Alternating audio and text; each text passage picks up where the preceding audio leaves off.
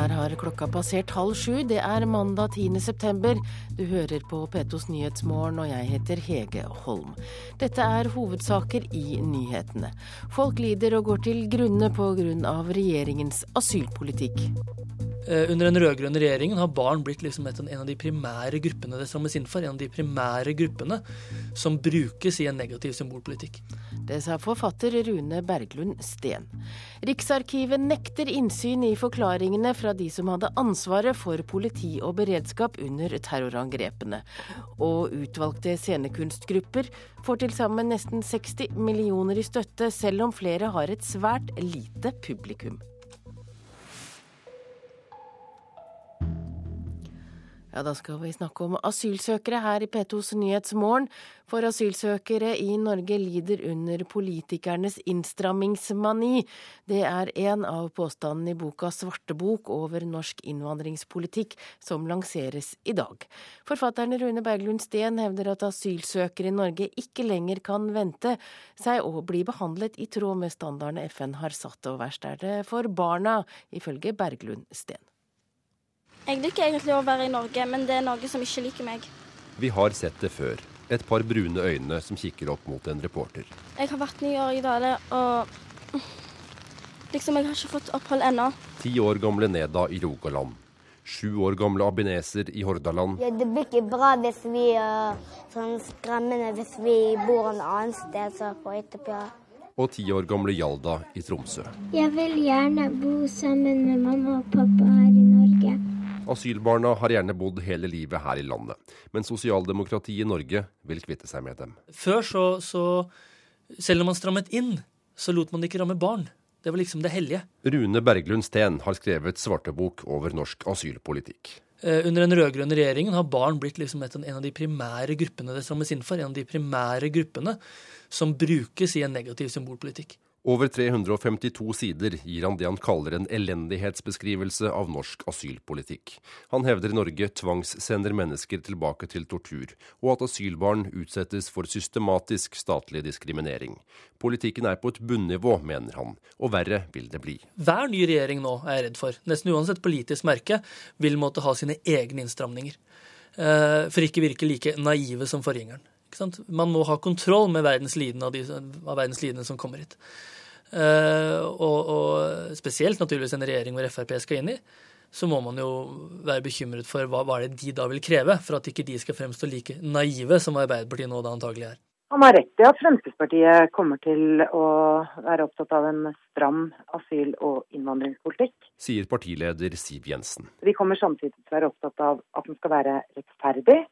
Det betyr at de som får opphold i Norge, eh, raskt skal eh, bli integrert, slik at de kan være en fullverdig del av det norske samfunnet.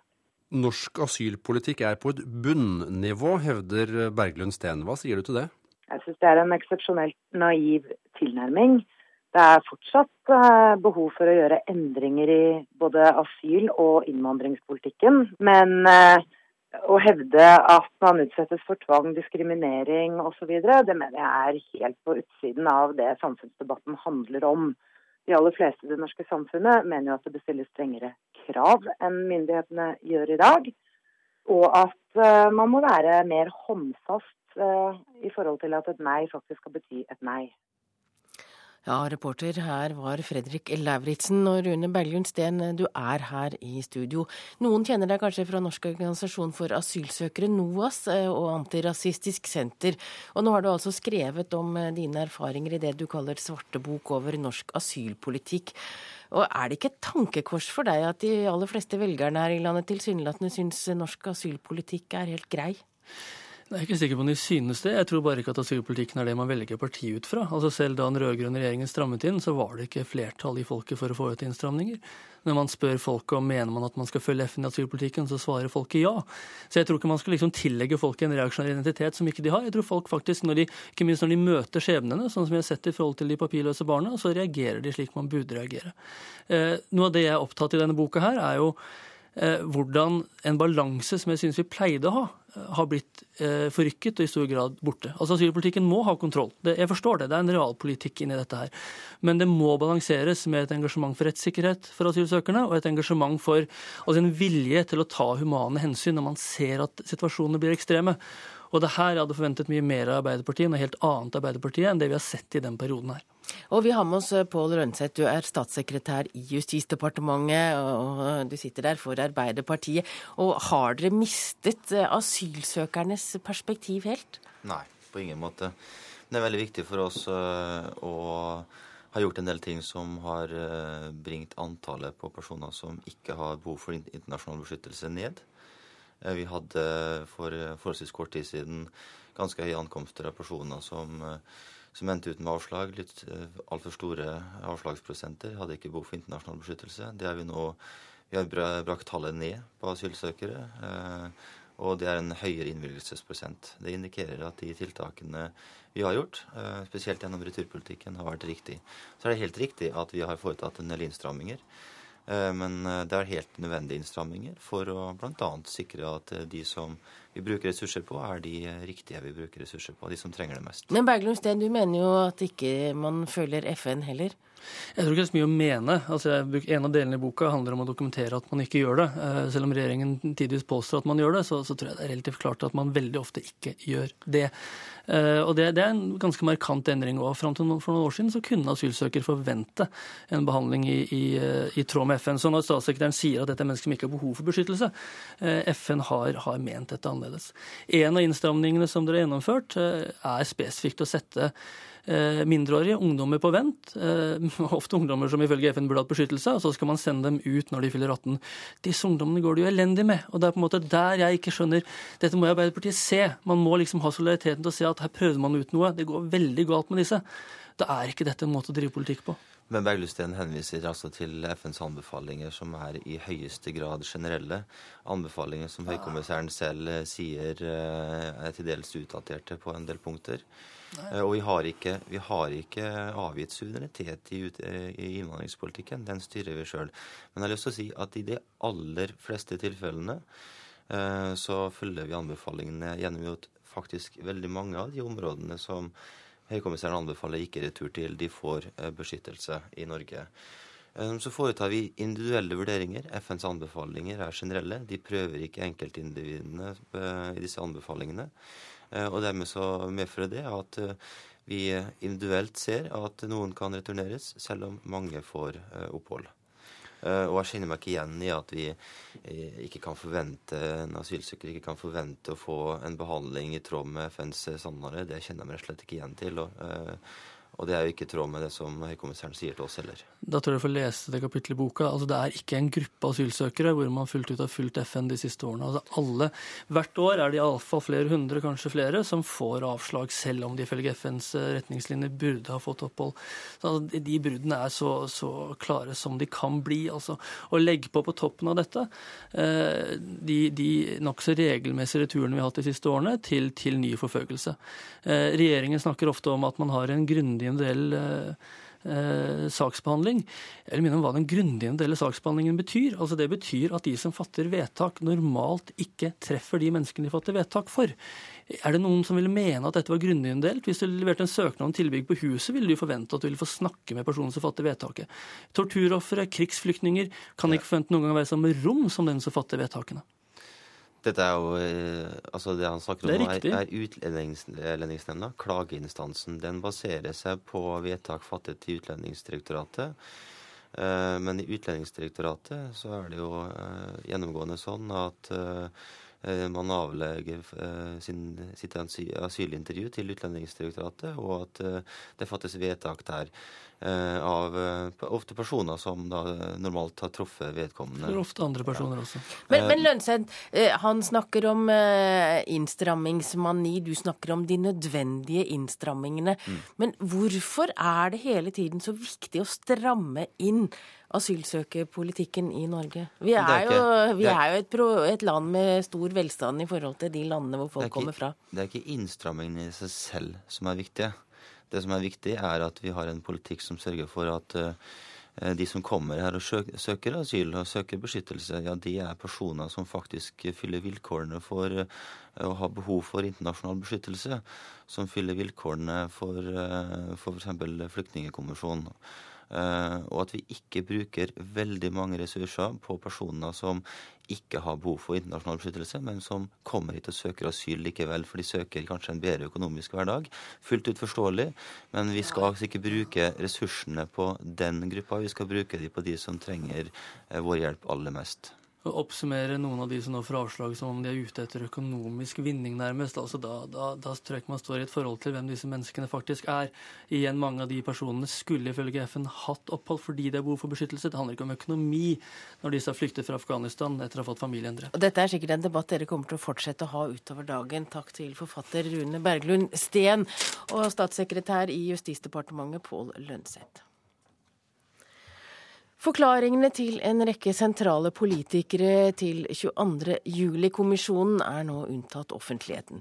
Riksarkivar Ivar Fonnes har bestemt at forklaringene til flere som hadde ansvaret for politi og beredskap 22. juli i fjor må være hemmelig. En av grunnene er at offentliggjøring kan være, gjøre det vanskelig for andre granskingskommisjoner å få folk til å forklare seg. Tidligere politidirektør Ingelin Killengren tidligere justisminister Knut Storberget og tidligere PST-sjef Janne Christiansen. De er alle sentrale i hvordan politi og beredskap sviktet 22.07. i fjor. Riksarkivet har nå bestemt at forklaringene deres til 22.07-kommisjonen blir unntatt offentligheten, skriver Aftenposten.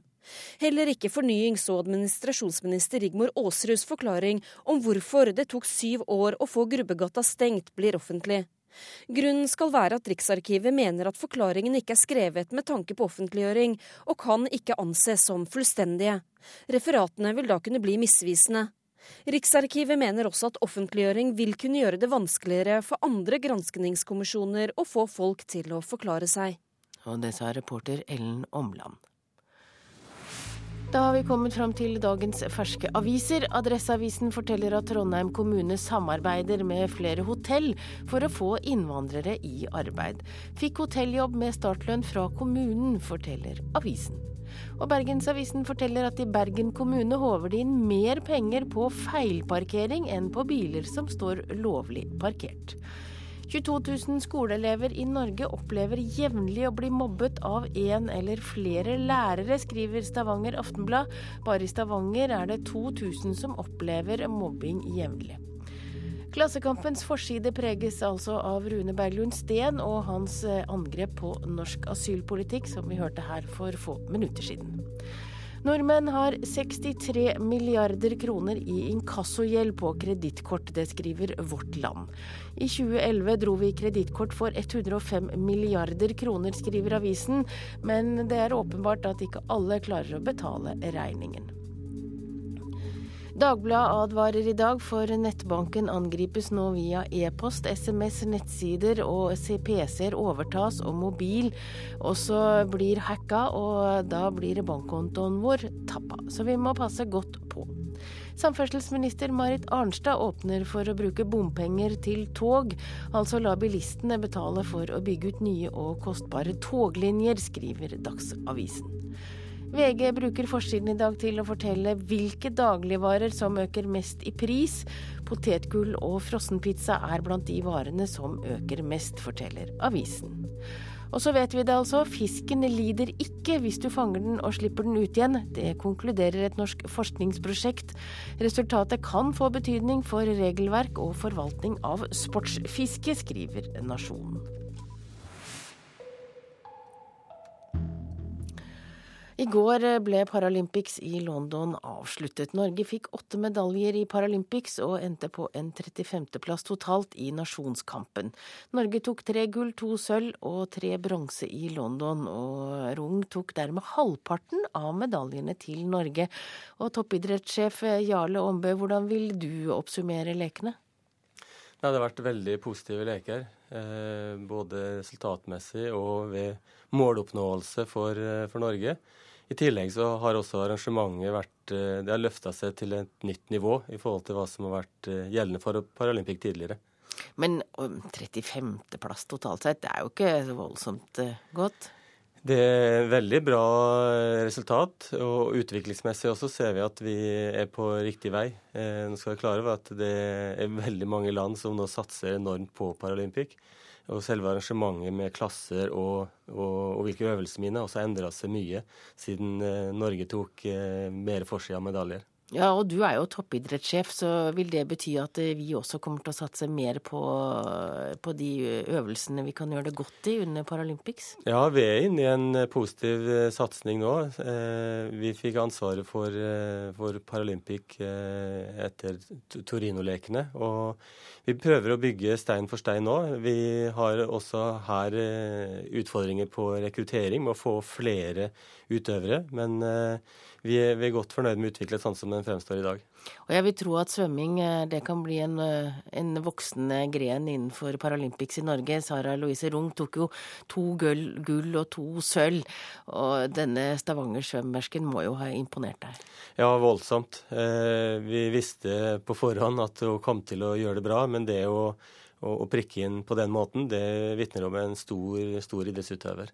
Så svømming eh, har flere utøvere også, og de, de, har kommet langt i forhold til både profesjonalisering og, å strukturere det her. Og de har også integrert det på en forbilledlig måte i toppidretten sin.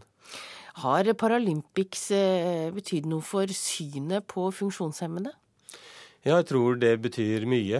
Eh, ikke minst eh, gjennom det, det, siste arrangementet nå, som jeg tror veldig mange har fått eh, øynene opp for både kvaliteten i, i, det som utøveren faktisk presterer her, for det er en prestasjonsarena det, det dreier seg om.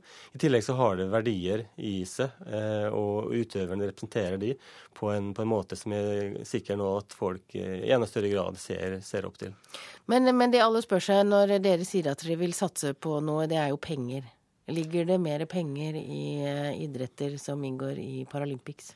Vi har allerede økt noe ressursene til eh, funksjonshemmede og toppidrett. Eh, men i likhet med hele toppidretten så står vi nå foran en periode hvor vi har ambisjoner, og vi har politiske signaler også om at man ønsker å satse på toppidrett. Og Paralympic og toppidrett for funksjonshemmede det hører definitivt med der. Takk til deg, toppidrettssjef Jarle Ombø, som da er strålende fornøyd med resultatet fra Paralympics i London. Du hører på Nyhetsmorgen i NRK P2 og Alltid nyheter. Klokka er 6.47, og dette er hovedsaker akkurat nå. Folk lider og går til grunne pga. regjeringens asylpolitikk. Det skriver tidligere NOAS ansatt i ny bok. Riksarkivet nekter innsyn i forklaringene fra de som hadde ansvaret for politi og beredskap under terrorangrepene, og utvalgte scenekunstgrupper får til sammen nesten 60 millioner i støtte, selv om flere har et svært begrenset publikum.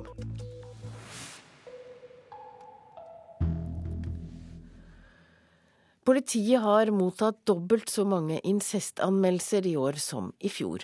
Også anmeldelser for andre seksualovergrep har økt kraftig det siste året. På incestsenteret i Hordaland har det vært et, en uvanlig travel sommer. Idet jeg kommer inn hoveddøra, sitter hun halvvegs med ryggen til. Hun gjør seg så liten som råd, men innimellom veggmaleri, bokhyller og pyntegjenstander er det likevel bare hun jeg ser. Et lite nikk, ingen sier noe, men jeg forstår hva ærend hun er der i.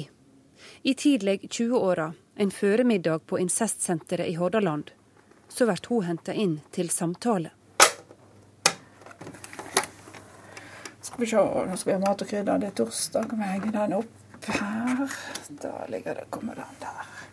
Faglig leder Bjørg Nilsen bruker bl.a. matlaging for å samle brukerne til hyggelig samvær. Tallet på besøkende øker jevnlig. Vi får stadig nye brukere på, til senteret vårt som etterspør det vi kan bringe til de da. Og langt flere går nå til politiet for å fortelle om overgrepet de er utsatt for. Tallet på politimelde seksuallovbrudd i Norge har økt kraftig siste åra. Størst er tallet på incestsaker, som er mer enn dobla fra 32 saker første halvår i fjor til 68 saker på samme tid i år. Men seksjonssjef Morten Hohjem Ervik i Politidirektoratet mener det ikke nødvendigvis skjer flere overgrep. Så langt vi kan se, så dreier dette seg om at mørketall blir mindre. Altså Vi får et tallmateriale som er mer realiteten enn vi har hatt tidligere. Og det tror vi skyldes en generell åpenhet om disse spørsmålene i samfunnet, den politiske debatten. Dette er på den, høyt på den politiske dagsorden, og det har også vi fra Politidirektoratet. Seksuallovbrudd har svært høy prioritet hos politiet, men det er vanskelig å etterforske grunnet mangel på bevis og at lovbruddet har skjedd tilbake i tid. Men sjansen for at skyldige blir straffa er større nå enn før, sier seksjonssjefen. Disse spørsmåla har fått en helt annen prioritet gjennom åra. Eh, slik at man i dag er bedre rusta enn man var eh, hvis man går noen år tilbake.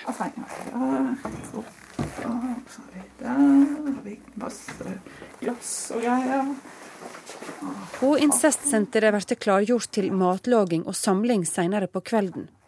Faglig leder Bjørg Nilsen håper enda flere skal tåre å politimelde det handler litt om å ta makten tilbake også for den som er utsatt for overgrep, og sier jo, jeg vil anmelde. Både ut ifra det å forhindre eller forebygge nye overgrep.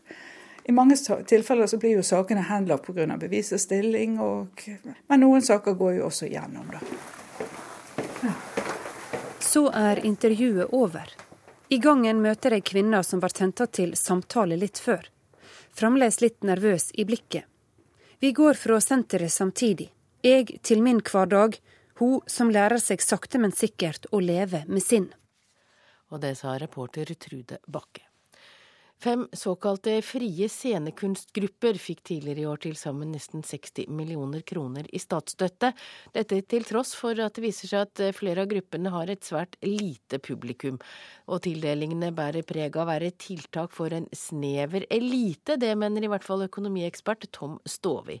Blant dem som har fått millionstøtte er Verk Produksjoner, som i fjor vant Hedda-prisen for årets forestilling. Så her har du masse grønne, flotte planter som skal være med opp til Trondheim i bil. På Grünerløkka i Oslo viser kunstnerisk leder Fredrik Hannestad i Verk Produksjoner vei inn en hvitmalt gang forbi en skog av yuccapalmer som fungerer som finsk natur i deres nye forestilling. En forestilling den kritikerroste teatergruppa er klare på hvem de vil skal komme og se. Altså jeg var på Nationaltheatret her for eh, noen dager siden, og da da sover jo ca. 30% av publikummet. Så for oss er det ikke nødvendigvis at vi skal bare fylle opp en sal for å fylle opp en sal, men vi vil fylle opp en sal med folk som, som er interessert i det, og som har lyst til å komme og se noe nytt. Men i gjennomsnitt har bare drøyt 1000 personer i året sett forestillingene til Verk Produksjoner siden 2008. Det viser nye tall. Hver billett de har solgt, har dermed vært støttet med nesten 1400 kroner av Kulturrådet i overkant mye, mener Dine Penger-redaktør Tom Stovi. Det er sånn at vi må nok sponse kulturen i et lite land som Norge. Men samtidig, når det er så få som får en sånn gave hver gang de løser en billett, så mener jeg vi er litt på ville veier. Tidligere i år ble Verk Produksjoner tildelt nye 12 millioner av Kulturrådet til forestillinger i årene som kommer. Flere andre frie scenekunstgrupper fikk samme støttesum, selv om flere av dem også bare har hatt noen tusen besøkende i snitt. Nei, jeg syns at det virker jo rart at man gjentar en bevilgning til en gruppe som beviselig over så mange år ikke har truffet en større kundekrets enn dette. For da bærer jo dette preg av å være et tiltak for en snever eh, og, og kanskje elitistisk krets. Først og fremst så er det jo Eh, den kunstneriske kvaliteten eh, som vi er opptatt av. Sier scenekunstkonsulent Melanie Filseth i Kulturrådet. Enkelte av de frie scenekunstgruppene de støtter har gode besøkstall, men Kulturrådet vil ikke kreve det av samtlige. Å begynne å stille slike krav er jo å begrense eh, den, det kunstneriske Altså det handlingsrommet eh, som kunstnere trenger da, for å kunne komme inn i en, en, spennende kunstnerisk utvikling og begynne å, å lage den kunsten eh, som, de, som, de, mener er viktig, og som blir vurdert til å være viktig. Og reporter her var Gjermund Jappé. For sju år siden klarte nordkoreaneren Shin Dong-yuk å rømme fra en av de mest beryktede fangeleirene i Nord-Korea. I Shanghai møtte han den amerikanske journalisten Blaine Harden, og det resulterte i en bok om et helt unikt vitnesbyrd. The children are bred and raised to be disposable slaves and to be worked to death. So this is what he brings to the outside world. Barn blir avlet opp som slaver, derfor er historien viktig, forteller den amerikanske journalisten til de oppmøtte på Litteraturhuset i Oslo. De har kommet for å høre Shin Dong-hyuks utrolige historie. Om oppveksten og flukten fra en av Nord-Koreas mest beryktede fangeleire. Shin Dong-hyuk ser ingen i øynene. Han er sky og tilbaketrukket. For syv år siden visste han ikke at det fantes en verden utenfor fangeleir 14 i hjertet av Nord-Korea. Uh, living like slaves probably the closest, uh, best description to describe the prison camp. Bare slaveri kan beskrive livet i fangeleiren, forteller Shin. 60 fanger har klart å rømme fra fangeleir i Nord-Korea og har gitt sine vitneskildringer, men han er den eneste av dem som ble født og vokste opp i fangenskap. Livet hans besto i slavearbeid og en desperat jakt på mat. Han visste absolutt ingenting om livet utenfor murene, inntil han møtte den politiske fangen Park. He learned from Mr. Park that the world is round, China existed. If you got to China, you could eat. Park lærte om at jorda var rund og at land som Kina eksisterte, forteller journalist Blaine Harden. Men det var historiene om mat som gjorde at Shin bestemte seg for å rømme. I dag reiser han rundt for å opplyse det internasjonale samfunnet om fangeleirene i Nord-Korea. Uh, regarding the freedom of expression, if they knew about it, uh, would I don't think the North Korean people would be just um, uh, continue to allow themselves to be oppressed like that. Om nordkoreanere kjente til begrepet ytringsfrihet, ville de ikke tillate den undertrykkingen som finner sted. For Shin er også ytringsfrihet helt nytt. Nå er boken 'Flukten fra leir 14' oversatt til norsk, og journalist Harden har tro på at den kan gjøre en forskjell. Uh, Secretary Clinton has mentioned Shin by name. She has scolded Kim Jong un, saying, close these camps, do your country a favor, and move into a future, a better future for your people. I don't think that that's going to close the camps, but it's a start. USAs utenriksminister Hillary Clinton har bitt seg merke i skinn og har oppfordret Nord-Koreas leder Kim Jong-un om å stenge leirene. Det er i alle fall en start, sier Blaine Harden. Og det sa reporter Dana Vanono. Da har vi kommet fram til et varsel for været som gjelder til midnatt. Fjell i Sør-Norge kan det ventes litt regn, vesentlig nord for Finse. Nedbøren kan starte som snø nær svenskegrensen. Fra i formiddag sørvestlig bris, liten kuling utsatte steder, skyet eller delvis skyet. Stort sett oppholdsvær, først i sør. Østlandet ventes det i morgentimene litt regn nord for Mjøsa, ellers skyet eller delvis skyet, stort sett oppholdsvær. Telemark og Agder skyet eller delvis skyet, stort sett oppholdsvær. Og Rogaland skyet, stort sett oppholdsvær. Fra ettermiddag sørøst liten kuling utsatte steder. I kveld stiv kuling på kysten i nord, delvis skyet oppholdsvær. Hordaland og Sogn og Fjordane sørlig stiv kuling ved Stad, litt regn eller yr av og til. Vesentlig i morgentimene fra i ettermiddag sør og sørøst liten kuling utsatte steder på kysten. Økning til stiv og til dels sterk kuling. Skyet eller delvis skyet oppholdsvær. Møre og Romsdal sørlig liten kuling utsatte steder. Stiv kuling på kysten lengst i sør. Litt regn fra i ettermiddag skyet og oppholdsvær. Trøndelag sørøstlig frisk bris utsatte steder. I kveld til dels liten kuling. For det meste skyet. Litt regn først i sør. Fra i ettermiddag oppholdsvær og lettere skydekke i sør. I kveld etter hvert oppholdsvær også lengst i nord. Helgeland og Saltfjellet skyet eller delvis skyet oppholdsvær. I kveld litt regn. Salten, Ofoten, Lofoten og Vesterålen enkelte regnbyger og snøbyger over 500 til 700 meter. Stort sett oppholdsvær og perioder med sol først i sør. Troms nordvestlig frisk bris, til dels liten kuling på kysten i morgentimene. Regnbyger og snø over 500 meter. Fra i ettermiddag skiftende bris, lettere vær i sør. Finnmark nordvestlig liten kuling på kysten. Fra i ettermiddag frisk bris i vest. Regnbyger særlig i ytre strøk. På vidda lite eller ingen nedbør. Og Nordensjøland på Spitsbergen, der ventes det skyet eller delvis skyet, og for det meste opphold. Så er det temperaturer målt klokka fem. Svalbard to, Kirkenes fire, Vardø fire, Alta åtte, Tromsø fem, Bodø sju, Brønnøysund seks, Trondheim tre, Molde seks, Bergen elleve, Stavanger 13, Kristiansand 11, Gardermoen 4, Lillehammer 3, Røros minus 2 og Oslo-Blindern hadde 7 grader klokka 5.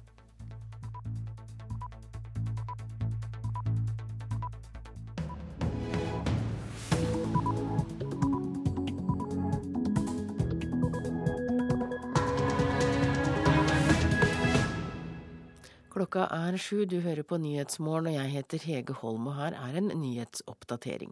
Flere studenter enn før må jobbe ved siden av studiene, de klarer seg ikke på studielånet alene. Jeg syns det er positivt at det er flere studenter som jobber, men det man må tenke på er at det kan gå utover studiene. Ja, det sa forbrukerøkonom Silje Sandmæl. Mange foreldre har kontaktet Forbrukerombudet etter at barna deres har lastet ned porno, uten å vite at de har inngått en avtale som koster nesten 3000 kroner. Vi anbefaler å, å protestere til de selskapene, eh, fordi at dette er en ugyldig avtale. Um, og det er selskapet som er ansvarlig for å sjekke at ikke de inngår en avtale med barn. Ja, det sa juridisk rådgiver Sara Holte Jaklin. Folk lider og går til grunne på grunn av regjeringens asylpolitikk, skriver forfatter i ny bok. Eh, under den rød-grønne regjeringen har barn blitt liksom en av de primære gruppene det strammes inn for. En av de primære gruppene som brukes i en negativ symbolpolitikk. Og det sier forfatter Rune Berglund Steen. Riksarkivet holder forklaringene til en rekke sentrale politikere til 22. juli-kommisjonen hemmelig og politiet har mottatt dobbelt så mange incestanmeldelser i år som i fjor. Så langt vi kan se, så dreier dette seg om at mørketall blir mindre. Altså vi får et tallmateriale som er mer realiteten enn vi har hatt tidligere. Ja, det sa seksjonssjef Morten Hoiem Ervik i Politidirektoratet.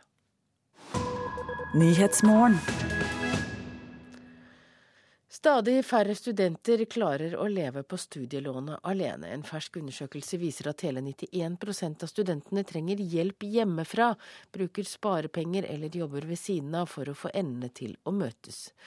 Mastergradsstudent Mats Noreng er en av de som sparer der han kan. Jeg syns det bare er sunt at man jobber ved siden av studiet. Det er lunsjtid ved Universitetet i Oslo, og for mastergradsstudent Mats Noreng står det matpakke og vann på menyen. Med drøye 9000 kroner utbetalt hver måned i studielån, er han avhengig av å jobbe ekstra som taxisjåfør for å få budsjettet til å gå opp. Har du noen gang møtt eh, noen som har klart seg på bare studielånet? Ingen av de jeg har gått med som eh, bare har klart seg på det. De som har vært i nærheten, de må ha fått noen hundrelapper hjemmefra, eh, spør du meg.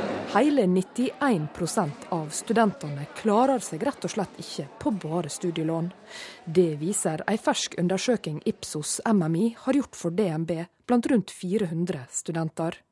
Forbrukerøkonom i DNB Silje Sandmæl forteller at studenter nå ikke har annet valg enn å jobbe ved sida av studiene, eller be om hjelp hjemmefra. Jeg syns det er positivt at det er flere studenter som jobber, men det man må tenke på er at det kan gå utover studiene.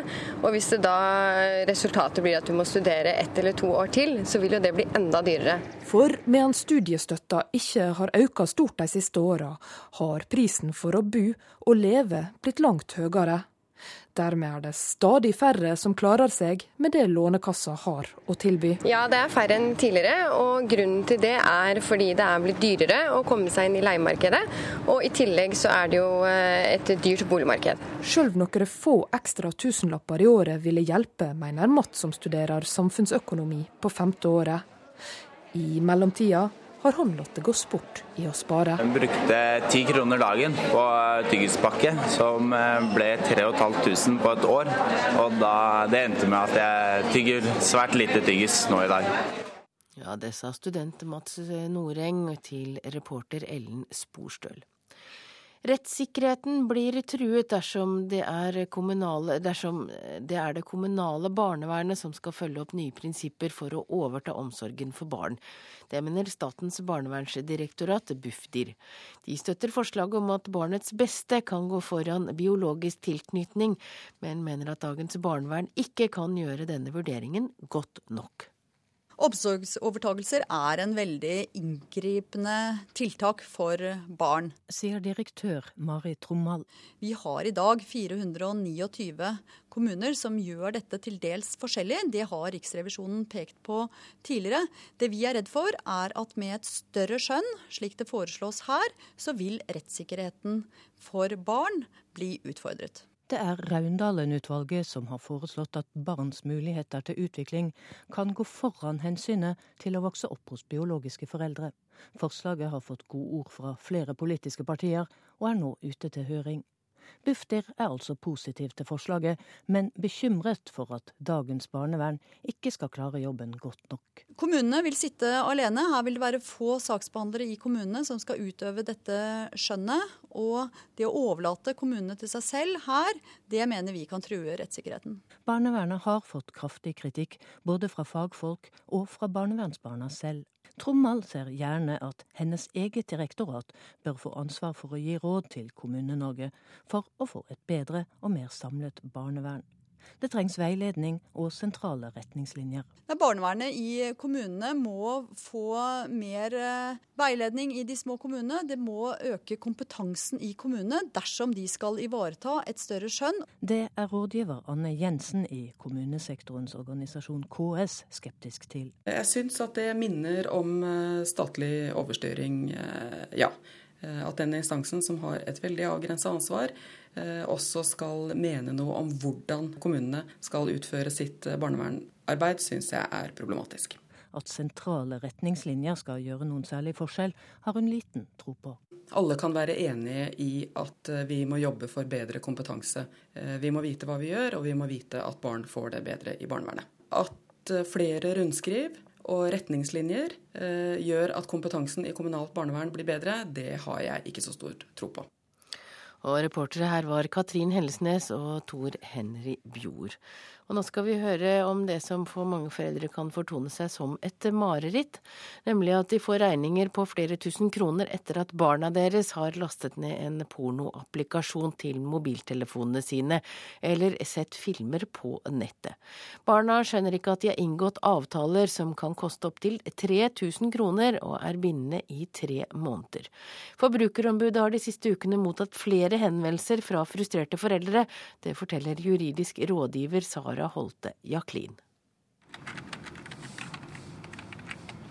Da tegner de et abonnement på pornofilmer eh, for tre måneder. Noen raske trykk på tastaturet, og plutselig har sønnen eller dattera i huset signert et bindende abonnement på pornofilmer. Det ungene har gjort, er å gå inn på en egen nettside. Eh, og da mm, må du godta at du er 18 år, og du må godta eh, avtalevilkårene. Eh, utover det så får du ingen prisopplysninger. Etter noen uker kommer den høye pornoregninga i posten. Mange foreldre har de siste ukene fått slike regninger fra selskapene Nordic Babes TV og Norsk Sexfilm, etter at barna skal ha inngått dyre avtaler på pornosidene. De reagerer på at ungene har blitt lurt, og ikke, ungene har ikke skjønt at dette har kosta penger. Eh, fordi at så vidt vi vet, så er ikke opplysningen om hva det faktisk koster, eh, kommet tydelig frem. Men mindreårige har ikke lov til å inngå bindende avtaler, og nå har ombudet bedt de to selskapene om å gjøre greie for sin praksis, som kan være i strid med markedsføringslova. Og nå har vi da sendt eh, brev til to av de firmaene som vi har fått flest klager på, Eh, hvor vi ber om eh, deres redegjørelse for eh, hvordan det her kan skje, og hva slags rutiner de har for at ikke barn skal kunne inngå sånne type avtaler på nettet. Vi har fått såpass mange klager, og at det her er en, en stor sum. Og en, no, mye som tyder på at avtaleinngåelsen her ikke er OK. I en e-post til NRK skriver Norsk Sexfilm. Vi understreker at vi anser oss som en seriøs aktør i markedet som legger stor vekt på å følge gjeldende lover og regler. Også Nordic Babes TV stiller seg uforstående til anklagene. Markedsføring av tjenesten Nordic Babes TV overholder de aktuelle relevante lover, og vi sender ikke fakturakrav til mindreårige. Vi anbefaler å, å protestere til de selskapene, eh, fordi at det her er en ugyldig avtale. Um, og det er selskapet som er ansvarlig for å sjekke at ikke de inngår en avtale med barn. Og reportere her var Katrine Nybø og Kristine Svendsen. Og Tore Neset, du er redaktør i IT-avisen. Er det så enkelt å inngå avtaler som er forpliktende i flere tusen kroners klassen, at barn gjør det bare ved å trykke at de ikke er 18 år? Det Eller at de er 18 år, mener jeg. Over 18 år. det overrasker meg veldig, uh, egentlig. Uh, vi hadde et tilfelle her for en ukes tid siden hvor to jenter på 8 og 11 år hadde greid å bruke 60 000 kroner på sin mors uh, iPad ved å bevege seg framover i et spill hvor man måtte betale underveis.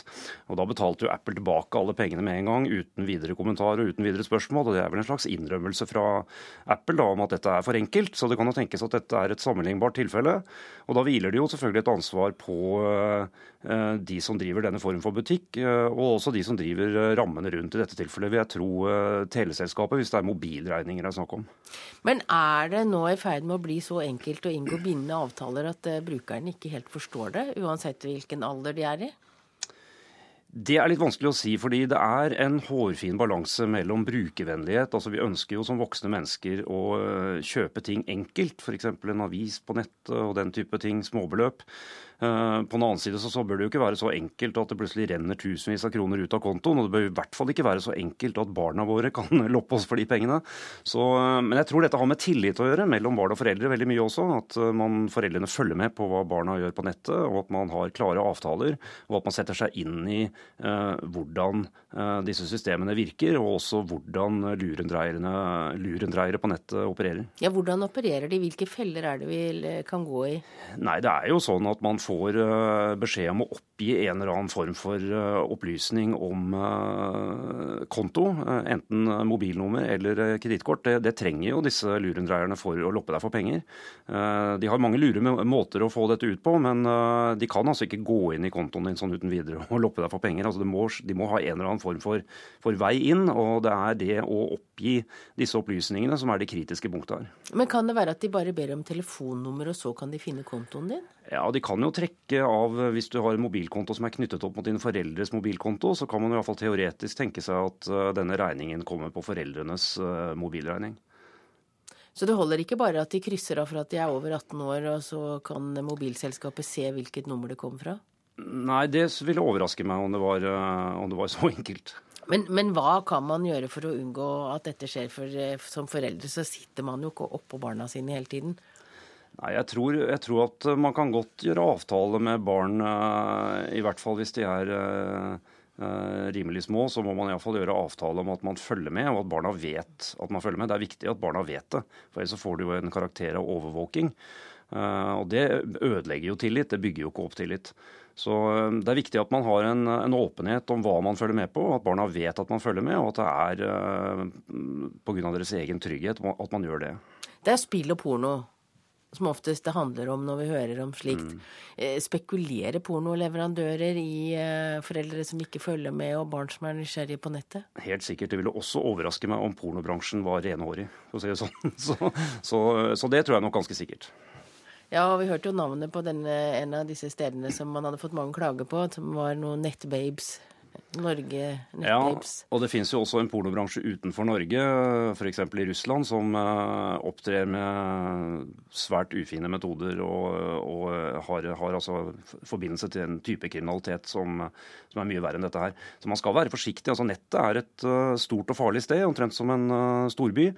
Og å slippe barna sine ut der er jo da enda mer kritisk. Så man bør være veldig veldig oppmerksom, bør sette seg inn i dette og lese seg opp på og uh, følge med på det som skjer av uh, svindelmetoder på nettet. Takk til deg, redaktør i IT-avisen Tore Nesse. Klokka er eh, kvart over sju. Du hører på Nyhetsmorgen i NRK P2, og dette er hovedsaker akkurat nå. 91% av studentene klarer seg ikke på studielån alene. Flere barn har lastet ned porno til tusenvis av kroner uten å skjønne avtalen de har inngått. For Forbrukerombudet anbefaler foreldrene å protestere på betalingen. Og følg oss videre, så får du høre om familien som fikk regning på dyre medisiner flere måneder etter at moren var død.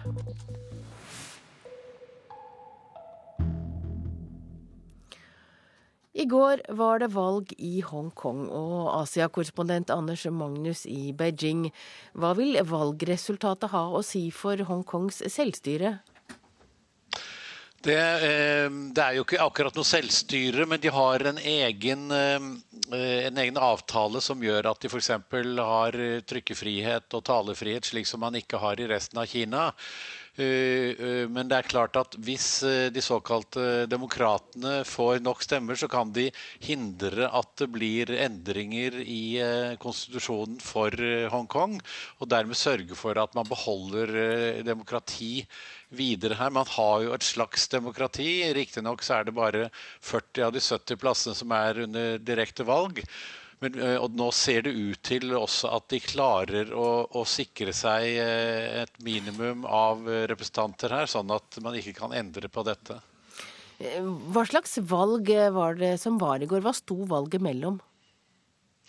Valget er eh, et valg til den såkalte rådgivende lovgivende forsamling, som eh, skal eh, gi angående, råd angående lover. Men det er jo stort sett Beijing som bestemmer det meste. Men man kan altså protestere mot makthaveren i Beijing gjennom dette rådet. og her er det representanter som velges på vanlig måte, slik vi gjør i Norge. Men det er også andre der 30 av de 70 delegatene velges Eh, på en helt annen måte. og Derfor blir ikke valget demokratisk på samme måte som eh, vi ser i Norge. Der altså selv om, om man får flertall eh, på de geografiske mandatene, så får Beijing, de som er for styret Beijing, får flertall allikevel gjennom de såkalte funksjonelle mandatene. Så det er et veldig komplisert system som favoriserer makthaverne i Beijing, eh, også i eh, Hongkong, som har denne spesielle statusen. Men engasjerer det? Ja, det engasjerer voldsomt, og særlig nå dette valget her. Fordi det har vært en eh, enorm strid i Hongkong de siste ukene. Myndighetene i Beijing, og særlig president Hu Jintao, har ønsket at i Beijing så skal man bli mer for det kommunistiske styret med, med hovedsete i Beijing. Og de har ønsket å innføre såkalt nasjonalundervisning, hvor de eh, reklamerer for ettpartistaten og sier at flerpartistyret bare bringer kaos og eh, et dårlig styresett. Og dette har folk i Beijing protestert eh, voldsomt mot. og I flere dager så har det vært kanskje opp mot 100 000 demonstranter utenfor administrasjonsbygningen i sentrum av Hongkong. Og nå har altså administrasjonen i Hongkong de har eh, sagt at OK, eh, vi lar dette gå og lar den enkelte skole bestemme om de vil innføre det eller ikke. Det skal ikke bli obligatorisk. Så De protesterende har også fått en slags seier her. Og, men mange mener også at dette spørsmålet har påvirket folk til å, å, å gå til valgurnen. Og det er også større valgdeltakelse nå enn det var for, ved forrige valg. Vet man hvem som ligger an til å vinne? Ja, det blir altså det blir, som sagt Sist så blir det Beijing, men, men lokalt? Ja, det blir eh, de som støtter Beijing nå også, og det må det bli pga. den måten de har eh, delt opp mandatene på. Men det ser ut til at eh, pandemokratene, som de kaller seg, altså de som vil ha vanlig demokrati i Hongkong, de får litt mer støtte nå enn sist gang, men fortsatt er en tredjedel av stemmene ikke talt opp, så det er litt vanskelig å si hvordan resultatet kommer til å bli. Takk til deg, Anders Magnus, vår korrespondent i Asia. Vi skal holde oss i den verdensdelen, vi. For i kveld kommer presidenten i Sør-Korea til Norge. Im Myung-bak kommer på offisielt besøk etter invitasjon fra statsminister Jens Stoltenberg. Men han skal også holde foredrag på Universitetet i Oslo, og der skal han snakke om varig fred og velstandsøkning. og Sverre Vollodgaard, du er seniorforsker ved NUPI. Hva er det han kommer for å si? Han kommer til Norge via Moskva og Grønland, og har varslet at han vil snakke om Arktis, om grønn vekst eh, og forholdet til Nord-Korea. Så er dette en president som har holdt en høy internasjonal profil. Han var vert for G20-toppmøtet i 2010 og har vært vert for en stor internasjonal atomsikringskonferanse i år. Så kanskje vil han kvittere ut for det. Og så vil han sikkert snakke om bilaterale relasjoner som har vokst seg ganske omfattende, altså i forhold til Norge. Det hører alltid med i slike sammenhenger. Men eh, tror du han vil snakke om eh, Sør-Koreas forhold til Nord-Korea? Ja, han har sagt han skal gjøre det. Dette er en president som har ført en hard linje overfor nord. Og Nord-Korea har sin vane tro svart med samme mynt. Så nå er vi inne i det fjerde året uten forhandlinger og avtaler med nord. Og da har Nord-Korea benytta tida ganske godt til å utvikle atomprogrammet videre. Og Slik sett så har det nordkoreanske problemet eh, vokst eh, under denne presidenten, som er kritisert av opposisjonen for det. Kommer han til, når han nå er på reise i Vesten, til å be om eh, noe støtte eller fra vestlige deler av verden? Han kommer til å be om støtte på et helt konkret punkt når han er i Norge. For også Sør-Korea er interessert i utviklingen i Arktis. Eh, de har jo veldig lite råvarer og er interessert i energi i en fremtidig transportrute i nord. Og så vil de gjerne ha observatørstatus i Arktisk råd. Og der ber presidenten sikkert om norsk støtte til det. Så han har en misjon når han kommer til Norge? Det er noe han vil?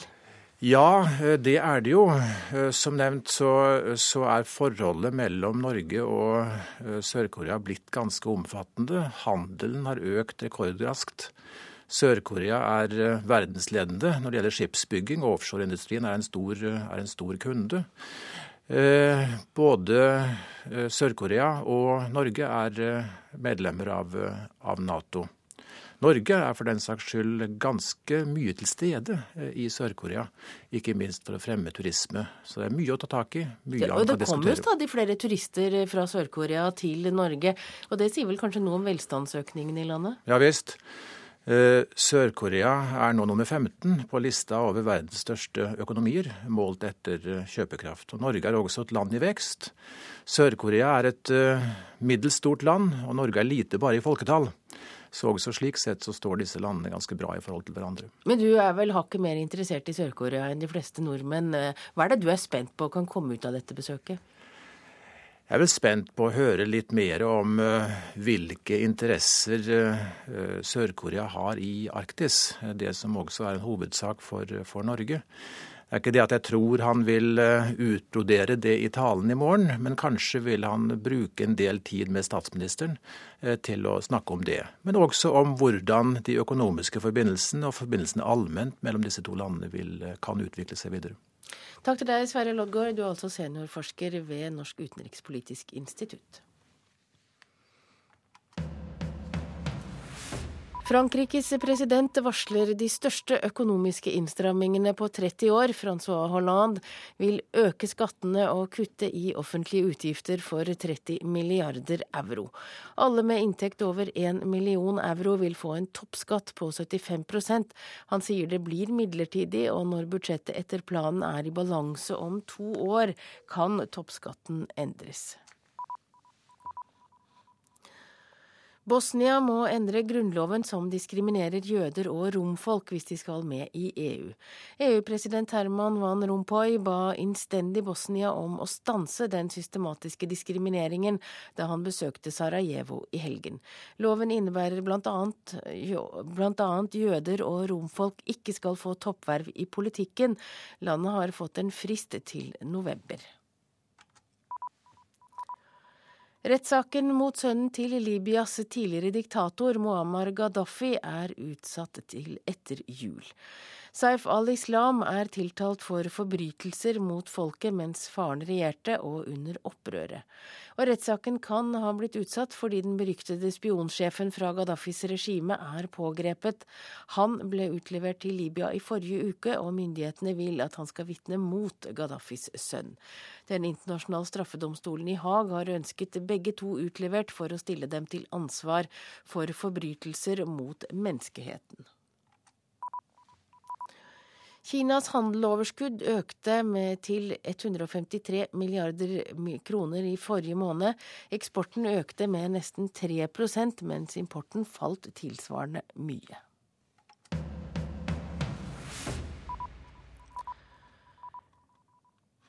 Og da har vi kommet fram til eh, dagens ferske aviser. Adresseavisen kan fortelle at Trondheim kommune samarbeider med flere hotell for å få innvandrere i arbeid. Fikk hotelljobb med startlønn fra kommunen, forteller avisen. Bergensavisen forteller at i Bergen håver kommunen inn mer penger på feilparkering enn på biler som står lovlig parkert. 22 000 skoleelever i Norge opplever jevnlig å bli mobbet av en eller flere lærere, skriver Stavanger Aftenblad. Klassekampens forside preges av Rune Berglund Steen og hans angrep på norsk asylpolitikk. Nordmenn har 63 milliarder kroner i inkassogjeld på kredittkort, skriver Vårt Land. I 2011 dro vi kredittkortet for 105 milliarder kroner, skriver avisen. Og så er det åpenbart ikke alle som klarer å betale regningen. Dagbladet advarer i dag mot at nettbanken kan angripes via e-post, SMS, nettsider. PC-en kan overtas og mobilen kan tappes. Og det betyr at eh, bankkontoen vår tømmes uten at vi vet om det. Samferdselsminister Marit Arnstad åpner for å bruke bompenger til tog, så, og altså la bilistene betale for å bygge ut nye og kostbare toglinjer, skriver Dagsavisen. VG bruker forsiden i dag til å fortelle hvilke dagligvarer som øker mest i pris, og potetgull og frossenpizza er blant de varene som øker mest, forteller avisen.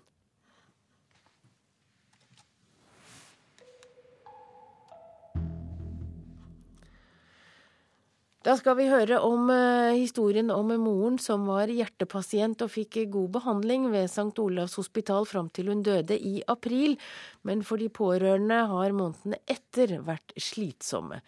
For lenge etter at moren var eh, begravet, kom regningen på dyre medisiner i posten, og ro til å sørge har de ikke fått, sier Ragnhild By. Hun var jo veldig syk, og vi visste jo at hun ikke kom til å leve evig. Men ehm, det er noe med den medisinen som hun fikk, det gjorde at hun levde lenger. Og at hun hadde det bedre. Hun slapp å ha det så mye vondt. Det var nettopp derfor at hjertespesialisten ved St. Olavs hospital ga pasienten sin medisinen Revatio. Den virket lindrende og gjorde de siste månedene av livet bedre. Men etter at moren døde, har de pårørende fått krav på 12 000 kroner fra Helfo Midt-Norge, som påstår medisinen ikke er godkjent. Det vil si at uh, hun fikk en medisin som ikke var bevist i forhold til randoniserte undersøkelser, gjerne internasjonale, da, som Helfo påpeker at det bør være, for hennes bruk. For dette var en dyr medisin. Vi må på en måte ta kontakt med sykehuset så får de en ekstrajobb i forhold til dette med å finne fram en begrunnelse for hvorfor hun har fått den medisinen. Så må det sendes. Og det er noen ting med hvor lang tid og hvor mye energi skal vi bruke på dette her. Og det er jo ganske vemodig, da, syns jeg. På et vis at vi, det er dette her vi sitter og holder på med, i stedet for å sitte og minnes av mamma. Sykehuset har også anka avgjørelsen hos Helfo. Det var de som søkte om å få dekka medisinkostnadene i utgangspunktet. At saken ennå ikke er over for familien, gjør inntrykk på klinikksjef ved St. Olav Rune Wiseth. Nei, Det er en veldig vond situasjon, og jeg forstår pårørendes eh, reaksjon eh, veldig godt. Det er jo ikke bare at de har fått regning, men jeg forstår også da purringa og nærmest trussel om inkasso. Sånn at eh, det her er en, en vond sak. og når jeg nå får greie på at da anken heller ikke har gått igjennom, så har Klinikk for hjertemedisin eh, bestemt seg for at vi tar ansvar for den situasjonen som er oppstått, og skal i hvert fall avlaste pårørende med regninga. Så Klinikk for hjertemedisin vil dekke det her beløpet, hvis ikke Helfo ombestemmer seg. At sykehusledelsen nå tar affære er en stor lettelse for familien, sier Ragnhild By. Ja, men det blir fint, for da kan vi, kan vi snakke om mamma og synge de sangene hun var så glad i. Ja, reporter her var Grete Tobro. Du hører på Nyhetsmorgen i NRK P2 og Alltid nyheter. Det er ett og et halvt minutt igjen til klokka er halv åtte, og da er det tid for Dagsnytt med Ida Creed. Etter Dagsnytt skal du få dagens reportasje som handler om gangsterkrigen i Mexico. Det er en av de mest ettersøkte skurkene nå er pågrepet. I Politiske kvarter eh, i dag, der skal det handle om samarbeid på borgerlig side etter valget neste år. Produsent for Nyhetsmorgen er Anne Jetlut Hansen, og jeg heter Hege Holm. Har du tips eller kommentarer, ris eller ros, send det gjerne på e-post til nyhetsmorgen, krøllalfa, nrk.no.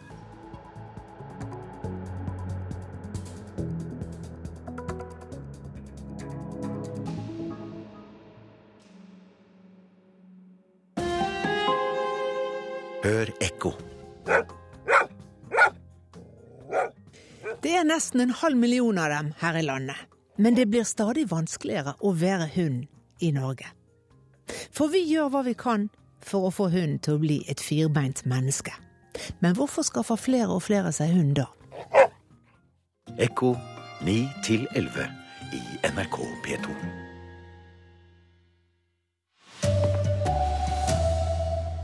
Flere sentrale forklaringer om 22.07-terroren er hemmeligstemplet. Dobbelt så mange som i fjor anmelder incest. Den britiske familien som ble skutt og drept i de franske alpene, kan ha vært utsatt for terrorisme. Her er NRK Dagsnytt, klokken er 7.30. Forklaringene til en rekke sentrale politikere til 22. juli-kommisjonen er nå unntatt offentligheten. Det har Riksarkivet bestemt. En av grunnene er at offentliggjøring kan gjøre det vanskelig for andre granskningskommisjoner å få folk til å forklare seg. Tidligere politidirektør Ingelin Killengren, tidligere justisminister Knut Storberget og tidligere PST-sjef Janne Christiansen. De er alle sentrale i hvordan politi og beredskap sviktet 22.07. i fjor. Riksarkivet har nå bestemt at forklaringene de ga til 22.07-kommisjonen skal være unntatt offentligheten, skriver Aftenposten. Heller ikke fornyings- og administrasjonsminister Rigmor Aasruds forklaring om hvorfor det tok syv år å få Grubbegata stengt, blir offentlig. Jeg syns det er ganske meningsløst, og jeg syns også det er misbruk av offentlighetsloven. Sier generalsekretær i Norsk redaktørforening, Nils E. Øy. Fordi den eh, hjemmelen som de har henvist til, mener jeg har et helt annet formål enn det de har brukt det til nå. Grunnen skal være at Riksarkivet mener at forklaringen ikke er skrevet med tanke på offentliggjøring, og ikke kan anses som fullstendige. Referatene vil da kunne bli misvisende. Riksarkivet mener også at offentliggjøring vil kunne gjøre det vanskeligere for andre granskningskommisjoner å få folk til å forklare seg. Den forklaringen er ikke god nok, mener Øy. Jo, det kan jeg for så vidt forstå er et argument, men det er ikke noe hjemmel i offentlighetsloven som eh, gir adgang til å unnta i, i denne type saker for dette forholdet. Og Derfor så mener jeg at uh, dette blir galt. Reporter Ellen Omland. Politiet har mottatt dobbelt så mange incestanmeldelser i år som i fjor. Også anmeldelser for andre seksualovergrep har økt kraftig de siste året. Politiinspektør Sissel Isaksen i Hordaland håper enda flere vil melde fra, og sier dette er viktig for å forhindre nye overgrep. Kanskje den viktigste forutsetninga for oss eh, til å kunne oppklare saker, dette at vi får kunnskap om sakene tidlig. Så har det en preventiv eh, effekt at eh, sakene oppklares og iretteføres. De siste fem åra har tallet på politimeldte seksuallovbrudd økt med 23% Det forteller seksjonssjef Morten Hohjem Ervik i Politidirektoratet. Så langt vi kan se, så dreier dette seg om at mørketall blir mindre. Altså vi får et tallmateriale som er mer realiteten enn vi har hatt tidligere. Størst øke er det i tall på incestsaker, som er dobla fra 32 saker første halvår i fjor til 68 saker på samme tid i år. Reporter Trude Bakke. Den britiske familien som ble skutt og drept i Frankrike, kan ha vært utsatt for terrorisme. Det er en av politiets teorier nå. Faren i familien jobbet i et satellittfirma. If this is organised crime, then we look at state sponsored terrorism because we've certainly seen uh, links between Iran and organised crime. Hvis dette er organisert kriminalitet, så kan det være en stat som står bak. Vi har sett forbindelser mellom Iran og organiserte kriminelle miljøer, sier Sally Levesley, som er sikkerhetsekspert. Det er nå fem dager siden den britisk-irakiske familien ble funnet drept i et skogholt ved foten av de franske alpene. Familien var på campingtur. De to døtrene i familien overlevde skytingen. Faren jobbet ved Surrey Satellite Technology. Der bygges bl.a. overvåkingssatellitter. En av politiets hovedteorier nå er at drapene er en terrorhandling, og at Iran kan være involvert. I går kom den fire år gamle jenta hjem til England igjen. Storesøsteren på sju har inntil nå ligget i kunstig koma, når hun blir bedre, håper politiet hun kan gi dem informasjon som kan hjelpe etterforskningen. Sa reporter Åse Marit Befring. Samferdselsminister Marit Arnstad vil vurdere å bruke bompenger til tog. Det skriver Dagsavisen i dag, basert på et intervju med Jernbanemagasinet. Grunnen til at Arnstad nå vurderer dette, er at de to trønderfylkene har bedt om å få vurdert denne muligheten. Så skal vi høre at mange foreldre i disse dager har fått regninger på flere tusen kroner etter at barna deres har lastet ned en pornoapplikasjon på mobiltelefonene sine, eller sett filmer på nettet. Forbrukerombudet har de siste ukene mottatt flere henvendelser fra frustrerte foreldre, sier juridisk rådgiver Sara Holte Jaklin. Da tegner de et abonnement på pornofilmer for tre måneder. Noen raske trykk på tastaturet, og plutselig har sønnen eller dattera i huset signert et bindende abonnement på pornofilmer. Det ungene har gjort, er å gå inn på en egen nettside. Eh, og da mm, må du godta at du er 18 år, eh, og du må godta eh, avtalevilkårene. Utover det så får du ingen prisopplysninger. Etter noen uker kommer den høye pornoregninga i posten. Mange foreldre har de siste ukene fått slike regninger fra selskapene Nordic Babes TV og Norsk Sexfilm, etter at barna skal ha inngått dyre avtaler på pornosidene. De reagerer på at ungene har blitt lurt, og ikke, ungene har ikke skjønt at dette har kosta penger. fordi at så vidt vi vet, så er ikke opplysningen om hva det faktisk koster, kommet tydelig frem. Men mindreårige har ikke lov til å inngå bindende avtaler, og nå har ombudet bedt de to selskapene om å gjøre greie for sin praksis som kan være i strid med markedsføringslova. I en e-post til NRK skriver Norsk Sexfilm. Vi understreker at vi anser oss som en seriøs aktør i markedet som legger stor vekt på å følge gjeldende lover og regler. Også Nordic Babes TV stiller seg uforstående til anklagene. Markedsføring av tjenesten Nordic Babes TV overholder de aktuelle relevante lover, og vi sender ikke fakturakrav til mindreårige. Vi anbefaler å, å protestere til de selskapene, eh, fordi at dette er en ugyldig avtale. Reportere Katrine Nybø og Kristine Svendsen.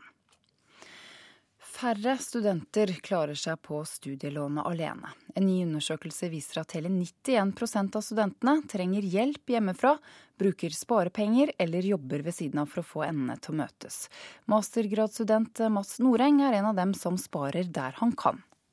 Jeg syns det bare er sunt at man jobber ved siden av studiet. Det er lunsjtid ved Universitetet i Oslo, og for mastergradsstudent Mats Noreng står det matpakke og vann på menyen. Med drøye 9000 kroner utbetalt hver måned i studielån, er han avhengig av å jobbe ekstra som taxisjåfør for å få budsjettet til å gå opp.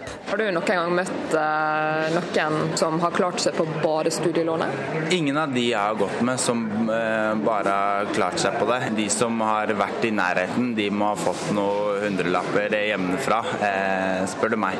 Hele 91 av studentene klarer seg rett og slett ikke på bare studielån. Det viser ei fersk undersøking Ipsos MMI har gjort for DNB blant rundt 400 studenter. Forbrukerøkonom i DNB Silje Sandmæl forteller at studenter nå ikke har annet valg enn å jobbe ved sida av studiene, eller be om hjelp hjemmefra. Jeg syns det er positivt at det er flere studenter som jobber, men det man må tenke på er at det kan gå utover studiene. Og hvis det da resultatet blir at du må studere ett eller to år til, så vil jo det bli enda dyrere. Reporter Ellen Sporstøl hadde sett på denne saken. Landslagssjef Egil Olsen må tørre å gi unge Joshua King sjansen som spiss for Norge mot Slovenia. Det mener NRKs fotballekspert Carl Petter Løken.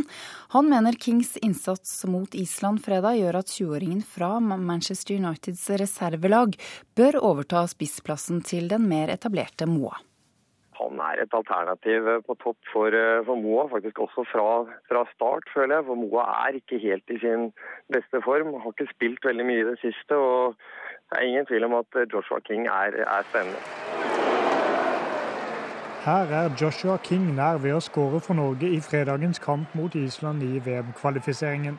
Innsatsen hans som innbytter for Mohammed Abdelawi etter 66 minutter ble lagt merke til av NRKs fotballekspert. Jeg syns Joshua King var veldig pigg og virka veldig frisk når han kom inn mot eh, Island. Han hadde jo en avslutning i tverrliggeren, i tillegg, i tillegg et uh, annullert mål.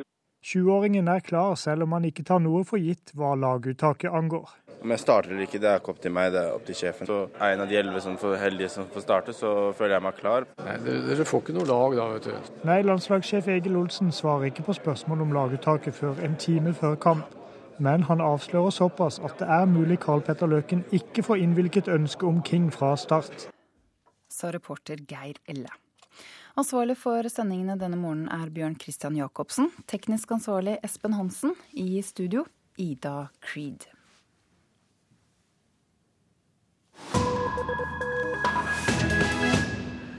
Og du hører på Nyhetsmorgen i P2 og Alltid nyheter, og nå skal vi til gangsterkrigen i Mexico, der en av de mest ettersøkte skurkene, lederen for det beryktede golfkartellet, er arrestert.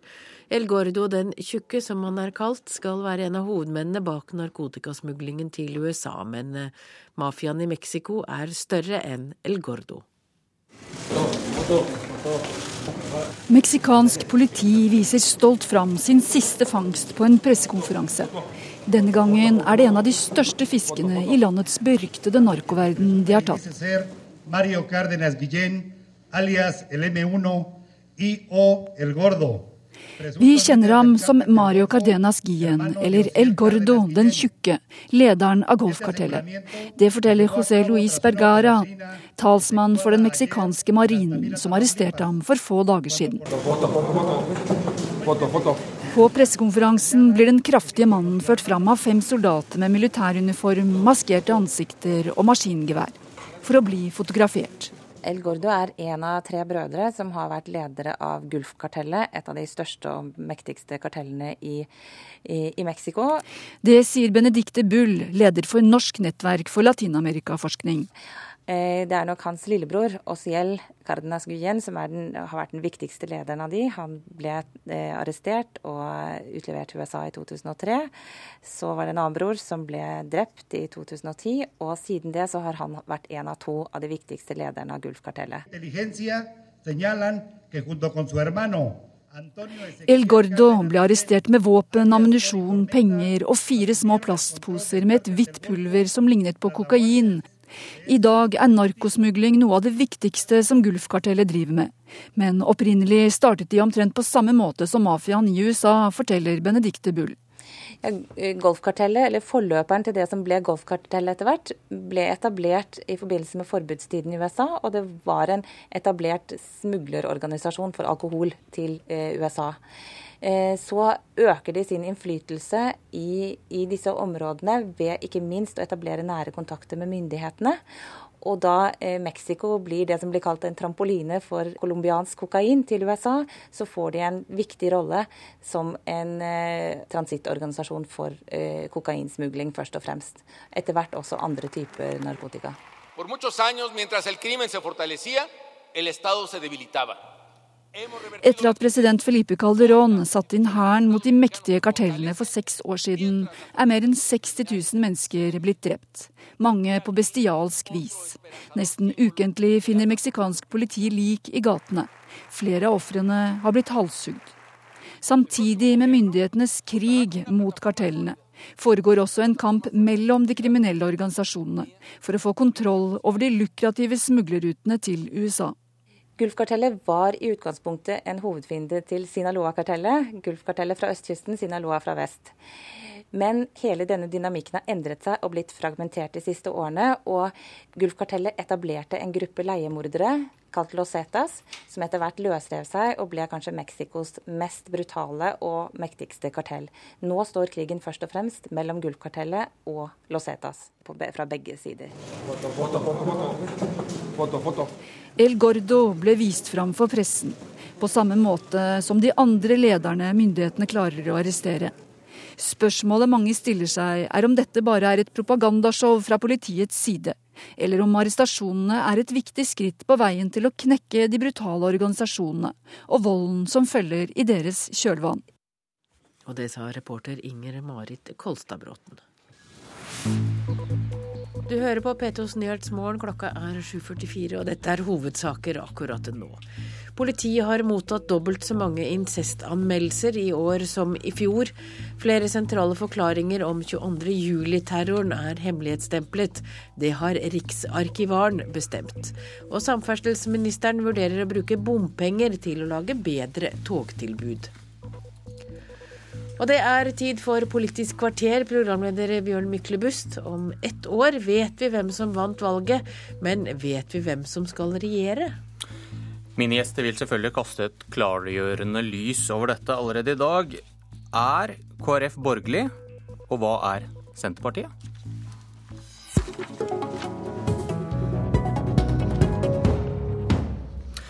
Vi spurte leder i Kristelig Folkepartis Ungdom, Elisabeth Løland, er KrF et borgerlig parti? Jeg prøver å ikke bruke begrepet selv, i hvert fall. Borgerlig er noe mer enn ikke-sosialistisk. For meg vekker det også assosiasjoner til byborger eller borgerskap. Og er en, vi er et ikke-elitistisk parti, vi er et folkeparti. Vi er et parti av bønder og fiskere og bedehusfolk, og vi er et grasrotparti. Det ordet borgerlig det klinger ikke godt i våre ører. Borgerlig ble vel ikke akkurat sagt med kjærlighet i stemmen her. I slutten av denne uka bestemmer KrF seg for om hvem de vil samarbeide med. I forrige uke var ungdomspartilederne samlet for å finne ut hva som var felles for de fire opposisjonspartiene. og Jeg vokter meg litt for å bruke ordet borgerlig her, merker jeg. Jan Arild Snoen, skribent i Minerva. Hva fant de? Nei, de fant at det er ikke noe spesielt eh, bredt og stort borgerlig prosjekt. Du prøver å bygge et borgerlig prosjekt med et parti som vi hører her ikke vil definere seg som borgerlig, og det er ikke tilfeldig at de unngår det ordet. De deler ikke det felles grunnborgerlige plattformen, som er et ønske om å overføre makt, myndighet og ansvar til private og til individet. Eh, så og de ønsker ikke i realiteten å sette grenser for politikk. For KrF er alt politikk. Alt skal løses gjennom politiske tiltak, et subsidium, et tilskudd, en regulering, en offentlig ansatt. Så de deler altså ikke det felles grunnlaget, og da blir det veldig vanskelig å konstruere noe med noe innhold. Det er ikke noe innhold i dette borgerlige prosjektene så lenge KrF er med. Og hva blir da din konklusjon? Ja, Min konklusjon er at det er mye lettere å konstruere eller å lage et, et alternativ som synes som er tydelig, eh, og som synes eh, klart i forhold til sittende regjering, hvis KrF ikke er med. Dvs. Si med Høyre, Frp og delvis med Venstre. Venstre er med på en del av dette. Paul Joakim Sandøy, leder i Unge Høyre. Hvorfor mener du dette er en gal analyse? Jeg mener det er en uh, gal analyse både fordi den er litt uh, virkelighetsfjern, og så er den, uh, den prega av ja, noen subjektive oppfatning av partiene framfor hva partiene egentlig står for. Et godt eksempel på det er jo når han mener at det er umulig å bli enig med KrF om skattepolitikk, men det er veldig mulig å bli enig om Venstre, selv om begge partiene har en sånn ganske lik skattepolitikk. På skatt så foreslår eh, KrF å fjerne formuesskatten på arbeidende kapital og fjerne arveavgiften for familiebedrifter og senke skattene for lave og mellomstore eh, inntekter. Og, og, dette er ikke nøyaktig de samme løsningene som Høyre foreslår, men eh, det er nøyaktig den samme retninga. Og det mener vi må være viktig her, da. Snoen? Det blir så smått med KrF. Sist KrF satt i regjering med, med, Høyre, så bremset KrF konsekvent på skattelettelsene, og de var veldig lei seg for det. Og de sa at det var en grunn til at det gikk så dårlig med KrF, var at de hadde gått med på for mye skattelettelser. Selv om regjeringen langt fra innførte det som var løftene, og selv om Arbeiderpartiet var med på halvparten av det. KrF er, er grunnleggende imot eh, skattelettelser av betydning, fordi KrF er grunnleggende imot høyere privat forbruk. Og dette ligger i sjela til KrF. Det er noe annet med Venstre. De er pragmatiske på dette. Så selve sjela i KrF er ikke borgerlig på dette området heller. Altså, hvis, hvis, KrF var så mot skattelette som det påstås her, så ville de jo aldri i verden lande på den konklusjonen som de gjør i løpet av denne uka, nemlig at de vil samarbeide med Høyre. Det ville vært en utrolig uh, dårlig idé. Og jeg, jeg, vil samarbeide med alle på borgerlig side, men også inkludert KrF. og det er, det er, flere grunner til det. Men for det første er det fordi det er et ideologisk slektskap der med å bygge samfunnet eh, nedenfra. Man er opptatt av et sterkt sivilsamfunn og opptatt av at valgfrihet har en verdi i seg sjøl. Derfor har KrF alltid havna på høyresida i, Norge, og kristendemokrater i stort sett alle land har vært på høyresida. For det andre så tror jeg at vi kan få til veldig mye bra sammen. KrF også er enige om at det skal lønne seg å jobbe, at vi, vi, trenger mer kunnskap i skolen, at vi trenger mer valgfrihet i velferdstjenester. Men så tror jeg også en ting til, og det er at det er verdt å huske på at dette er den første gangen eh, Altså dette er det tidligste og det tydeligste KrF eh, har tatt et slikt standpunkt. Uh, og Det sier også noe om hvilken retning KrF går i, og da tror jeg vi er klokt i å se hva vi kan få til sammen, i stedet for å kaste KrF av båten før den har forlatt ham. Ja, Snoen, Hva betyr dette at KrF, KrF faktisk vil snu seg den veien? Påvirker det noe? Grunnen til det er at KrF tror at det er lettere å få gjennomslag for KrFs hjertesaker sammen med, med, med Høyre. Altså en del av de verdisakene de har. Og da må de vel også gi noe? Det må de, så det vil bli kompromisser. Så det, ikke, det, er ikke sånn at det ikke blir gjennomført noe som helst. Men det blir gjennomført veldig lite. Dette er Bondevik III som er oppskriften her. En regjering som, som, var såpass lite populær blant velgerne at den ble kastet etter fire år. For den hadde ikke noe prosjekt. Den hadde ikke noe å levere. Eh, utover noe relativt smått. Men det går jo litt på ambisjonsnivå her. Hvis det vi ønsker er skattelettelse på 10 milliarder, er fornøyd med det, OK, da samarbeider vi med KrF. Men hvis vi har, vil ha større endringer i Norge, så er ikke KrF med. Og de vil bremse alt de kan. Det er en diskusjon om ambisjonsnivå og litt om hva som er realisme, Sanne? Nei, men det, det syns jeg blir litt feil å si. Men jeg, vil jo advares noen mot å Dersom man tror at en ny regjering kommer til å bli liksom en liberalistisk, utopisk prosjekt. Det kommer det ikke til å bli. Vi snakker om eh, Grande og Jensen og Solberg og Hareide her. Dette er fire reformpartier. Men jeg har, jeg har plotta ned eh, noen prosjekt som vi tror det er mulig for de borgerlige å samles om. Og det er altså jobbreform, der vi gir skatteletter til lave og mellomstore inntekter. Fjerning av formuesskatten, oppmykning av arbeidsmiljøloven. Det andre er en kunnskapsreform, og det tredje er en valgfrihetsreform særlig i helsetjenester. Og Her er jo KrF blant de aller aller tydeligste på Stortinget, og tar opp veldig ofte når private helsetjenester er, er trua av nedleggelse. Snoen, dette er ikke nok? Eller du tror, Nei, det, ikke, du tror ikke på punktene? Det er jo ikke riktig heller. Altså, KrF vil jo ikke fjerne formuesskatten, bare på arbeidende kapital. KrF vil ikke ha fritt skolevalg. Det vil ikke ha skoler som kan konkurrere på kvalitet, bare på å være rare, altså alternativet. Og De vil ikke ha noen kommunereform, f.eks. De vil ikke ha noen jordbruksreform. Det så vi senest nå, nå i vår, der KrF var, var bøndenes og subsidiens sterkeste forsvarer. De vil ikke ha vesentlige skatteletter. De vil i hvert fall ikke ha kutt i u-hjelpen. Nesten alle vesentlige reformer er KrF enten imot, eller de vil bremse dem arbeidslivsreform? Ja, altså Det som sies nå, er at dere skal gjøre mindre enn en eh, Bondevik II-regjeringen gjorde. Skal legge dere til venstre for det der den lå. Og det er selvsagt fordi KrF drar i den retningen. Så alle, Når KrF er med her, så drar den konsekvent den borgerlige sida i ikke-borgerlig retning, og det blir ikke noe tydelig alternativ. Ja, jeg, jeg, tror ikke eh, KrF nødvendigvis vil dra Høyre til høyre, men jeg mener en dårlig syretest på om man skal være med i et regjeringssamarbeid også. Altså, jeg syns at noen har et veldig negativt syn på ting, og jeg syns det er artig å lese negative kommentatorer på nettet, men jeg syns det er et veldig dårlig utgangspunkt for regjeringssamarbeid. Nå tar KrF et veldig riktig standpunkt, og da skal vi gjøre hva vi skal få til sammen, i stedet for å kaste dem uh, av skrytta. Sandøy, dere vil samarbeide med KrF. Kan Høyre samarbeide med Senterpartiet? Høyre har samarbeidet med Senterpartiet før, men det virker veldig fjernt nå. Eh, så lenge Senterpartiet går til valg på en fortsatt rød-grønn regjering, og det ser det ut til at de gjør, så er de våre motstandere, våre fiender.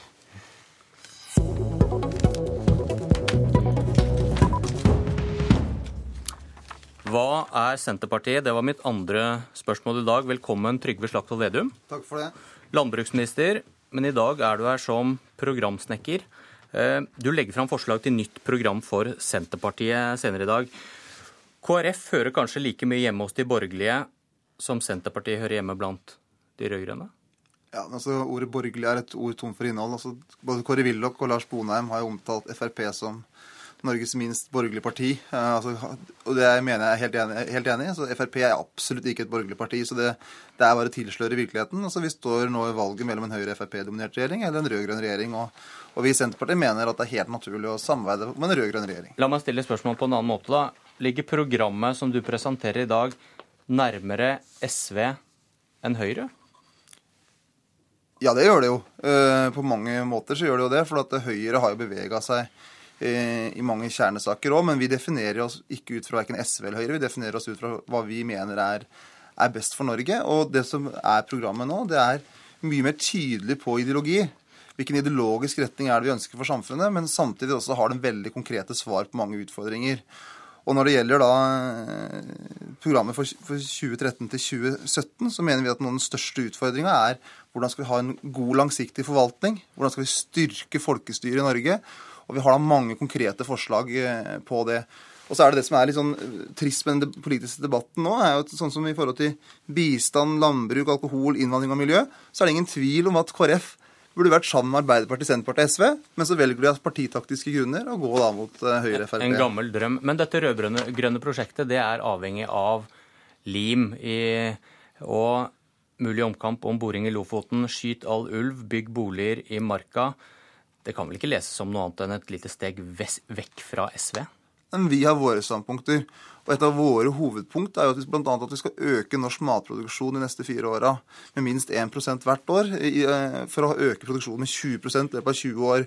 Og klart, Hvis vi skal få til det, så trengs det tydelige politiske virkemidler. Det trengs tollvern, det trengs budsjettstøtte. Og det får vi til sammen med Arbeiderpartiet og SV, og også KrF, hvis de hadde ønska det. Og så er det en eh, konfliktlinje i norsk politikk mellom vern kontra forvaltning. Og vi har tro på en langsiktig forvaltning, at det er den beste måten å forvalte natur på, ikke ensidig vern. Og når det gjelder diskusjon mellom dyrka jord og skog, så mener vi at det er viktigere å ta vare på dyrka jord eh, enn på skogen. og Derfor så har vi da åpna opp for en diskusjon når det gjelder markagrensa. Du, I den økonomiske politikken, syn på skattelette, syn på om private skal være med å løse velferdsoppgaver. Her ligger vel del til venstre for Arbeiderpartiet. Det har vel tidligere valgforskning vist. og Er det bevegelser her i programmet du presenterer i dag? Ja, det er veldig tydelig. Altså, det er den forvaltertenkninga som ligger også til grunn der. Eh, vi har flere tydelige standpunkt. Vi ønsker å skattlegge finanssektoren eh, hardere. For vi mener at finanssektoren i det vestlige landet har blitt for stor. Eh, så vi ønsker ikke å ha kunstige, gode skatteregler for finanssektoren. Og vi ønsker å bruke de penga vi får inn på mer skatt fra finanssektoren, bl.a. på å fjerne arveavgiften og redusere formuesskatten. For det går til familieeide bedrifter, produksjonsbedrifter rundt omkring i hele Norge, og til privatpersoner. Mens når det gjelder da finanssektoren, som jeg vet, den er for stor. Så her ønsker vi en skattevridning fra finanssektor og over på mer verdiskapende næringer. Du nevnte Willoch. Eh, Lars Bonheim har kalt dere sosialister i den økonomiske politikken, for dere ligger tett opp mot SV. Ja, men Det er jeg ikke enig i. Eh, Lars Bonheim er jo eh, En av hans store styrker er jo spissformuleringer. Vi ligger veldig i sentrum av økonomisk, eh, norsk økonomisk politikk. Men noe av det gode i Norge er at vi har hatt en vilje til å omfordele. Og, og det har gjort at vi har små forskjeller i Norge, og det har vært bra. Og du ser jo at Den norske økonomiske modellen har stått seg veldig godt nå i krisetider. Vi har lav ledighet, og vi har relativt små økonomiske forskjeller sammenlignet med andre land. og det er en økonomisk politikk vi vil videreføre. Vi mener at det er rett at de som tjener mye, skatter mer enn de som tjener lite. og Det er omfordeling i praksis, og selvfølgelig smerter det for en del av de som tjener mye. Men jeg tror alle ser at i sum så tjener vi på en, en politikk som har eh, utjevning som mål. Takk til deg, Trygve Slagsvold Vedum. Eh, din kollega Marit Arnstad har ledet et utvalg som nå foreslår en helt ny måte å organisere sykehusene på. Hun mener ti år med sykehusregioner viser at organiseringen er mislykket. Arnstad vil ha mer makt tilbake til stortingssalen og sykehusstyrer i hvert fylke. Bra tenkt, sier Høyre. Uaktuelt, svarer Arbeiderpartiet. Ja, Vi mener jo at tida er overmoden for å endre eh, organiseringa knytta til sykehus eh, i Norge. Senterpartistatsråd Marit Arnstad har ført pennen når partiets sykehuspolitikk er skrevet på nytt.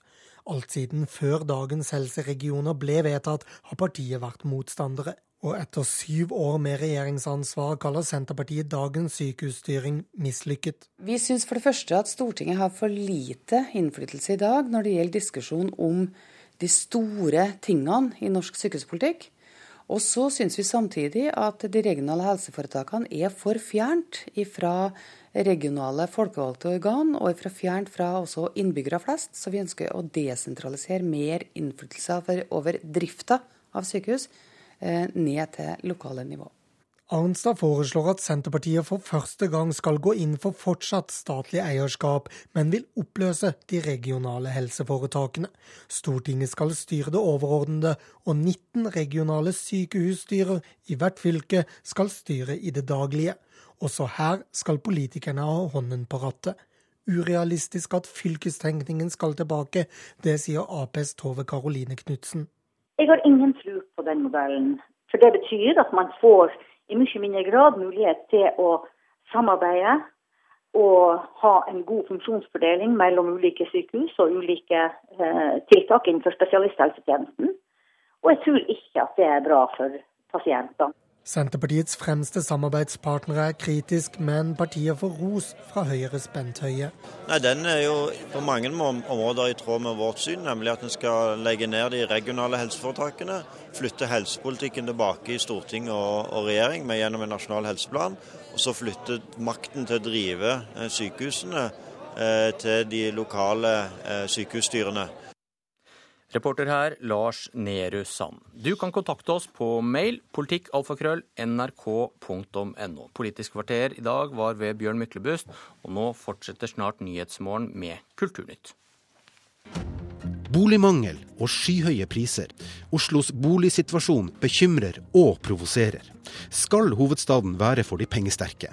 Hemmes boligbyggingen av reguleringer og offentlige krav? Eller er det utbyggerne som bestemmer for mye? Aftenposten og NRK inviterer til folkemøte direkte fra Litteraturhuset i Oslo mandag klokka 19 i NRK P2.